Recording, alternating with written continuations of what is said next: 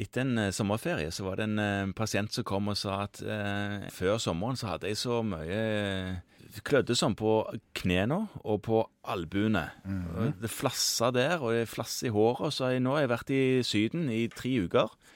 Bada masse i saltvann og kost meg og hatt mye sol på kroppen. Og nå er jeg mye bedre, men jeg bestilte denne timen egentlig for dette utslettet. Ja. Men jeg har det fortsatt, sa han. Og så Ja. viste han fram, og så hadde han litt sånn røde felt omkring albuene. Ja. Det var ikke så hissig, og det så ganske bra ut. ja. Så det bare an, da?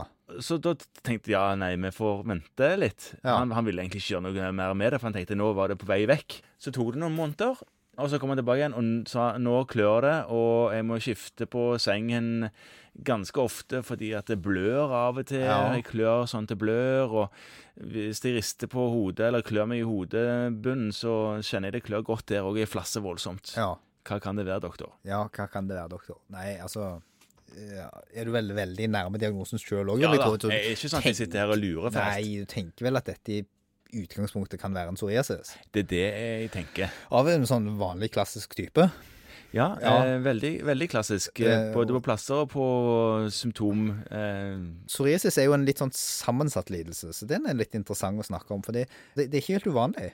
Det kommer Nei. litt an på altså, hvilke data du leser, men sånn en plass mellom 1 og 4 prosent av befolkningen såpass, ja. ja, Ja. har psoriasis i en eller annen form. Mm. Eh, ja. Er det mange former? Det er flere former. Ja. Og, øh, den vanligste er jo den du snakker om nå, Ja. og så kanskje den som vi kaller for en gutatpsoriasis. Ja, det er en sånn flekkvis liksom dråpeform. Små flekker over store deler av kroppen. Ja. Klart, når du på en måte har mer eller mindre hele kroppen dekka av sånne små elementer, så blir behandlingen litt vanskeligere. ja, for det blir så store hudområder som må behandles. Ja, Ja. eh, så det blir liksom å smøre inn alt. Så Vi skal komme litt tilbake igjen til det, men det er en form. Og så er det sånn at og Der varierer tallene veldig, men et sted mellom 10 og 40 kanskje har leddplager. Ja. En sånn eh, psoriasis artritt. Ja, eh, og i, altså da i sitt fullblåste versjon en psoriasis artritt, Ja. som er en ordentlig reumatologisk sykdom og som må behandles deretter. Ja. Det kan gi skikkelig reumatisme. Ja. Skikkelig leddaffeksjon. Mm. Skikkelig leddaffeksjon. Vanligvis er jo dette en diagnose vi stiller kun på klinikken. Eh, Du trenger ikke så mye mer enn det. Nei. Eh, Ofte er det sånn at hvis de har disse klassiske elementene, som er sånne skjellende, litt sånn fortykka skorper, og du river de av, så får du punktblødninger Mm. under. Og det klør, og det blør, og det kan gjøre vondt. Og i alvorlige tilfeller der store deler av kroppen er påvirka, særlig kanskje med en sånn akutt utløst gutat psoriasis, så kan de være allment påvirka. Så det kan bli dårlig, liksom. Ja, dårlige, Ja. slappe og syke, og litt sånn Ja, de kan nesten sånn føle seg litt sånn influensasyke. Ja. Sånn, ja. Og Det skyldes jo at det er et svært organ. Huden, ja. Ja, Jeg husker hudlegen sa da vi hadde hud, at dette er kroppens største organ. Ja, så er det klart at da kan man bli påvirka.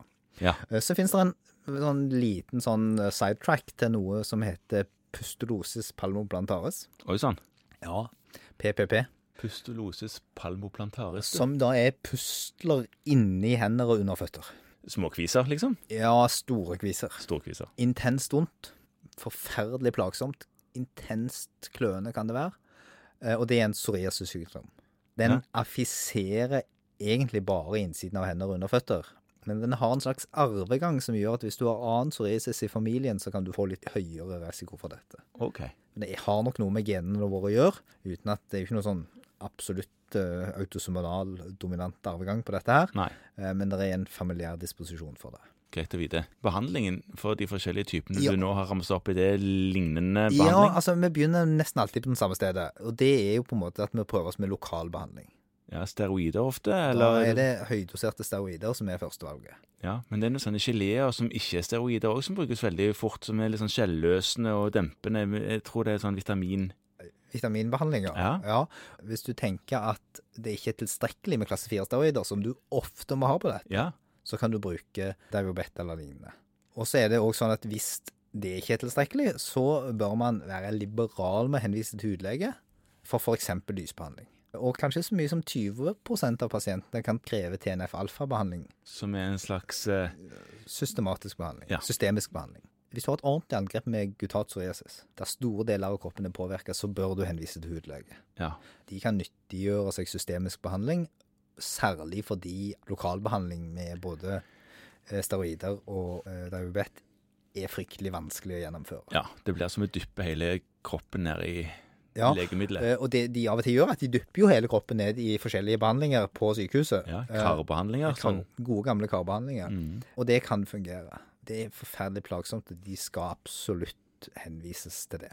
Så er det jo òg det at, som er litt viktig å snakke om, og det er at psoriasis er en kronisk sykdom. Det vil si at selv om den blir godt behandla, så blir den ofte ikke helt borte.